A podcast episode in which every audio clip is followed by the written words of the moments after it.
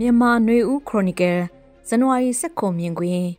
လွတ်မြောက်နေမည်တင်များမှအုတ်ချုပ်ရေးပုံစံနဲ့ပြည်ထောင်စုဆိုတဲ့စောင်းပါးကိုဖတ်ကြားတင်ပြပေးပါမယ်။ယမန်နေ့အောက်တိုဘာ29ရက်နေ့ကစတင်လိုက်တဲ့ရှမ်းမြောက်ဒေသကတိုင်းသားလက်နက်ကင်တပ်ဖွဲ့တွေရဲ့စစ်စင်ရေးတနည်းအားဖြင့်စစ်အခြေစိုက်စခန်းတွေတင်မကပဲမြို့တွေကိုပါတမြို့ပြီးတမြို့တိုက်ခိုက်သိမ်းယူခဲ့တဲ့စစ်စင်ရေးတစ်ဖြက်နားတဲ့နောက်မှာ သိမ်းယူထားတဲ့မြို့တွေဒေသတွေကိုအုပ်ချုပ်ရေးအတွက်စီစဉ်လှုပ်ဆောင်ရမယ့်အရေးကတိုင်းသားလက်နက်ကင်အဖွဲ့တွေအနေနဲ့တာဝန်ရှိလာတာဖြစ်ပါတယ်။စစ်ရေးအရတိုက်ခိုက်နေစဉ်မှာတိုက်ပွဲအနိုင်ရရင်စစ်စခန်းသိမ်းယူနိုင်ရေးကအတိကဖြစ်နေခဲ့တာဖြစ်ပြီးတိုက်ပွဲငြိမ်သွားတဲ့အခါထိမ့်ချုပ်ထားတဲ့နေမြေဒေသတွေကမြို့တွေကျေးရွာတွေနဲ့အဲ့ဒီဒေသကလူထုရဲ့အသက်မွေးဝမ်းကြောင်းလုပ်ငန်းတွေဒေသတစ်ခုလုံးကိုအုပ်ချုပ်တဲ့စနစ်က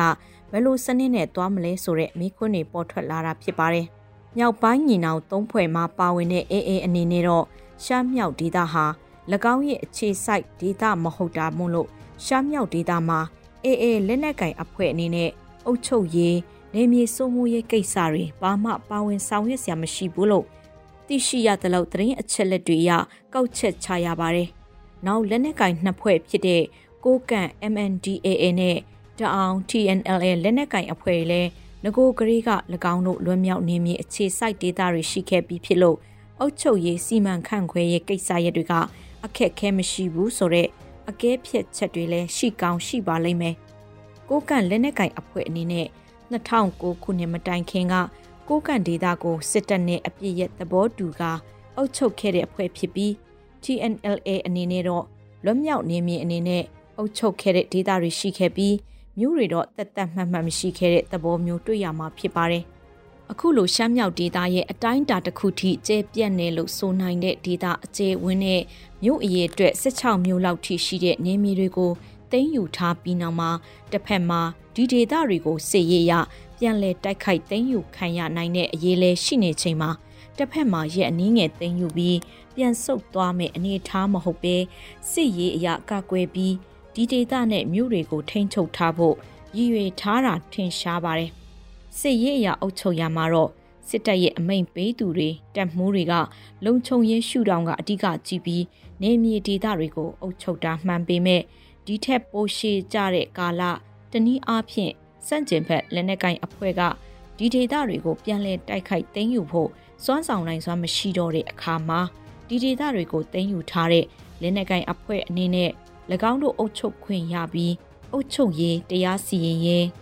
အခွန်အကောက်ဖွံ့ဖြိုးရေးနဲ့ဒေသတွင်းမှာနေထိုင်ကြတဲ့အခြားသောလူမျိုးစုတွေနဲ့၎င်းလူမျိုးစုတွေရဲ့လွတ်မြောက်ရေးလက်နက်ကင်အဖွဲ့တွေနဲ့ဆက်ဆံရေးလွတ်မြောက်နေမြေအချင်းချင်းကူးလူဆက်သွဲမှုကုန်စည်ရောင်းဝယ်မှုစတဲ့အရေးကိစ္စတွေကစစ်ရေးလှုပ်ဆောင်မှုတွေထက်ပိုပြီးရှုပ်ထွေးတဲ့ခက်ခဲတဲ့ဝန်ဖြစ်လာမယ့်အနေထားလို့မှန်းဆတွေးကြည့်ရပါတယ်။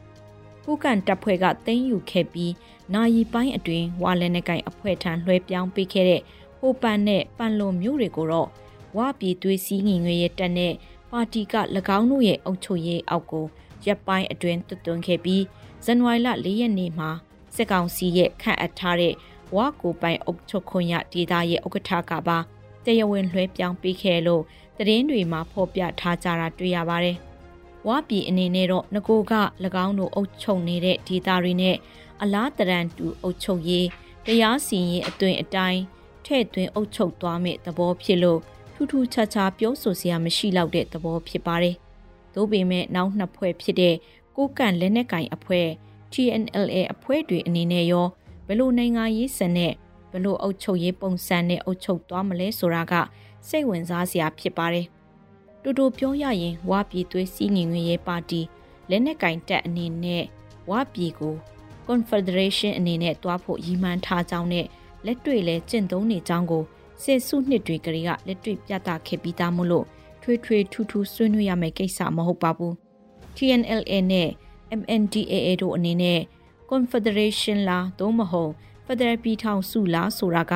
ရှင်းရှင်းလင်းလင်းမသိရှိရသေးတဲ့အနေအထားလို့ဆိုရမှာဖြစ်ပါတယ်။ လက်ရှိရခိုင်ပြည်နယ်မှာပြင်းပြင်းထန်ထန်တိုက်ခိုက်ပြီးနေမြေတွေမြို့တွေထိန်းချုပ်နိုင်ဖို့ကြိုးပမ်းနေတဲ့ AA အနေနဲ့လဲ Confederation လောက်တော့မှန်းထားကြောင်းခေါင်းဆောင်ဖြစ်သူပိုးချုပ်ထွန်းမြင့်နိုင်က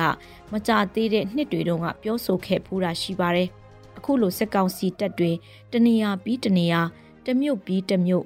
လက်လွတ်ဆုတ်ခွာနေရချိန်မှာနေပြည်တော်ရန်ကုန်တို့လိုမျိုးတွေကိုမကြခင်သိမ်းယူနိုင်တော့မဲလို့မျှော်မှန်းခဲ့ရင် အဲ့မျှော်မှန်းချက်က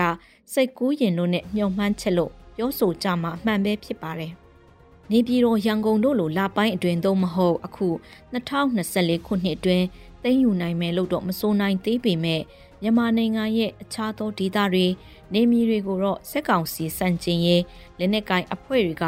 ပုံမသိမ်းယူထိန်းချုပ်လာနိုင်မယ်ဆိုတာမှန်းဆလို့ရတဲ့အနေအထားဖြစ်ပါတယ် ဒီလိုတဆတဆတိုက်ခိုက်သိမ်းယူလာနိုင်တဲ့မြို့တွေနယ်တွေပြည်နယ်တွေကိုဘယ်လိုနိုင်ငံရေးစနစ်နဲ့အုပ်ချုပ်သွားကြမလဲဆိုတာအခုနေခါမှာအရေးတကြီးမလို့အပ်ဘူးလို့ယူဆမှုတွေရှိကောင်းရှိနေမှလည်းဖြစ်ပါတယ်။သို့ပေမဲ့အနာဂတ်မြန်မာနိုင်ငံကိုဘယ်လိုပုံဖော်မလဲဆိုတာနဲ့အခုလိုကြားကာလမှာဘယ်လိုအုပ်ချုပ်ကြမလဲဆိုတာထဲထဲဝင်ဝင်ဆက်ဆက်နေတဲ့အကြောင်းအရာတွေဖြစ်နေပြီးအခုလိုစစ်ကောင်စီစစ်အာဏာရှင်ကိုစန့်ကျင်တိုက်ခိုက်ကြတဲ့အရင်းခံအကြောင်းရင်းက ဒီမိုကရေစီအရေးဖက်ဒရယ်အရေးတန်းတူညီမျှခွင့်ရှိရေးလူခွင့်ရေးဆိုတဲ့အရေးတွေနဲ့ကြွေးကြော်စီယုံခဲ့ကြတယ်ဆိုတာမိထားလို့မရတဲ့အချက်ဖြစ်ပါတယ်။ခုရက်ပိုင်းမှာဖက်ဒရယ်အရေးမြန်မာနိုင်ငံရေးကိုပညာရှင်ရှုထောင့်တွေကလေလာရေးသားနေသူစောင်းပါရှင်တူကတော့မြန်မာနိုင်ငံကိုဗဟိုချုပ်ခိုင်မှုအားကြီးတဲ့နိုင်ငံတော်စနစ်နဲ့တည်ထောင်ဖို့တဲ့မန္တလာစနစ်လို့၎င်းခေါ်ဝေါ်တဲ့မြို့ပြနိုင်ငံငယ်လေးတွေ စုစည်းထားတဲ့စနစ်နဲ့တွားဖို့အခြေအနေမျိုးကပိုဖြစ်နိုင်တယ်။ပိုလက်တွေ့ကြတယ်ဆိုတဲ့သဘောရေးသားလိုက်ပါတယ်။အခြားသောမြန်မာရေးလေလာနေသူအရှိဥရောပနိုင်ငံကနိုင်ငံရေးတက်ကြွလှုပ်ရှားသူတို့ကတော့လက်တလောဖော်တွန်းလာတဲ့လွတ်မြောက်နေမြေတွေမြို့တွေဒေသတွေရဲ့အခြေအနေတွေကိုကြည့်ပြီးတကယ်လို့စစ်တပ်ကိုစန့်ကျင်နေတဲ့မဟာမိတ်တပ်ပေါင်းစုတွေအနေနဲ့ လက်ရှိမှာရှိနေတဲ့နှွေဦးတော်လှိုင်းရင်လှိုင်းတွေကြောင့်ဖြစ်ပေါ်လာတဲ့ဗဟိုကိုထည့်ပြီးမစင်းစားတော့ဘူးဆိုရင်တော်လှန်ရေးဟာလည်းတစစီဖြစ်သွားနိုင်တဲ့အနေလည်းရှိပါတယ်လို့မှတ်ချက်ချပြီးနောက်မှတ်ချက်တစ်ခုကမြန်မာနိုင်ငံရဲ့ဖက်ဒရယ်စနစ်ကိုလူမျိုးစုတွေပေါ်မှာအခြေခံရင်အင်မတန်အနေများနိုင်ပါတယ်ဆိုတဲ့အချက်ပဲဖြစ်ပါတယ်။သူဆိုလိုတဲ့ဗဟိုးဆိုတဲ့နေရာအခန်းကဏ္ဍကလက်ရှိအမျိုးသားညီညွတ်ရေးအစိုးရရဲ့အခန်းကဏ္ဍနေရာကိုဆိုလိုတာဖြစ်ကောင်းဖြစ်နိုင်ပါတယ်။ သူကတော့အရှိဥရောပဇာတိဖြစ်ပြီးဆိုဗီယက်ပြည်ထောင်စုပြိုကွဲတဲ့ကာလအလွန်အရှိဥရောပမှာအမျိုးသားရေးကိုအခြေခံတဲ့အစိုးရတွေပေါ်ထွန်းလာတာ1990ခုနှစ်စောပိုင်းကာလယူကိုစလာဗီးယားနိုင်ငံပြိုကွဲတာတွေကိုသင်ခန်းစာယူပြီးမြန်မာအရေးကိုအကဲဖြတ်သုံးသပ်တာလည်းဖြစ်ကောင်းဖြစ်နိုင်ပါတယ်။စစ်အာဏာရှင်ပြုတ်ကြရေးကဘုံအကြောင်းအရာဖြစ်တဲ့စစ်ကောင်စီပြုတ်ကြရင်ကြံ့နာအလုံးကအပြေရှာဖို့မခက်ဘူး။ ဖြည့်ရှင်းလို့ရတယ်လို့ဆိုကြတဲ့မှတ်ချက်စကားရှိပါတယ်။တစ်ဖက်မှာလည်းအာဏာဟာတနတ်ပြောင်းဝမှာရှိတယ်ဆိုတော့လက်တွေ့ဆန်လွန်းတဲ့တနည်းအားဖြင့်တနက်ကိုအားကိုးလွန်းတဲ့နိုင်ငံရင်းနီလန်းကိုလက်လျှိုရှုစေတဲ့အဆိုတွေကိုလမ်းညွှန်မှုအဖြစ်မခံယူမိကြဖို့လဲအရေးကြီးတာဖြစ်ပါတယ်ရှင်။